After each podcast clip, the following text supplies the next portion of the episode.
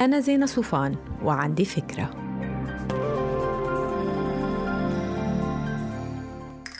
هاي أي حدا فيكم بيشارك بمؤتمرات بيعرف إنه المنظمين بيطلبوا دايما شيء اسمه بايو أو سيرة ذاتية مصغرة مكونة من كم مقطع بيختصروا المسيره المهنية للمشارك.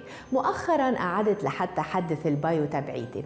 بعد ما خلصت وقريتها حسيت بشيء غريب خاصة إنه البايو بتنكتب بصيغة الغائب. يعني ما بقول فيها أنا درست وعملت لا بقول زينة سوت وعملت إلى آخره.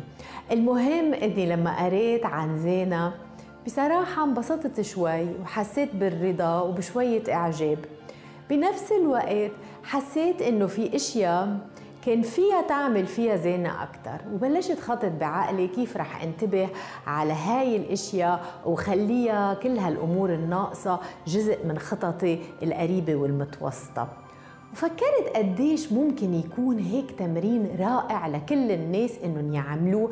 مش كرمال مؤتمر لا ابدا كرمال حالهم. نصيحتي إنه كل واحد فيكم يخصص ساعة زمن يكتب بأربع أو خمس مقاطع ماكسيموم سيرته الذاتية.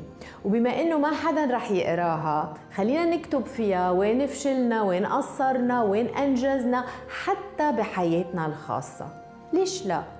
وما تنسوا تطلعوا من حالكم وتكتبوا بصيغة الغائب عن الشخص يلي هو انتو. صدقوني التمرين رح يكون ممتع جدا حتى لو بين غريب بالأول. ورح تطلعوا منه براحة نفسية حتى لو ما كثير انعجبتوا بحالكم بتعرفوا ليه؟ لأنه رح تحطوا اجركم على أول الطريق. جربوا وخبروني. تنسوا تعملوا download للفكرة تعطوها rating وتساعدوني بنشره bye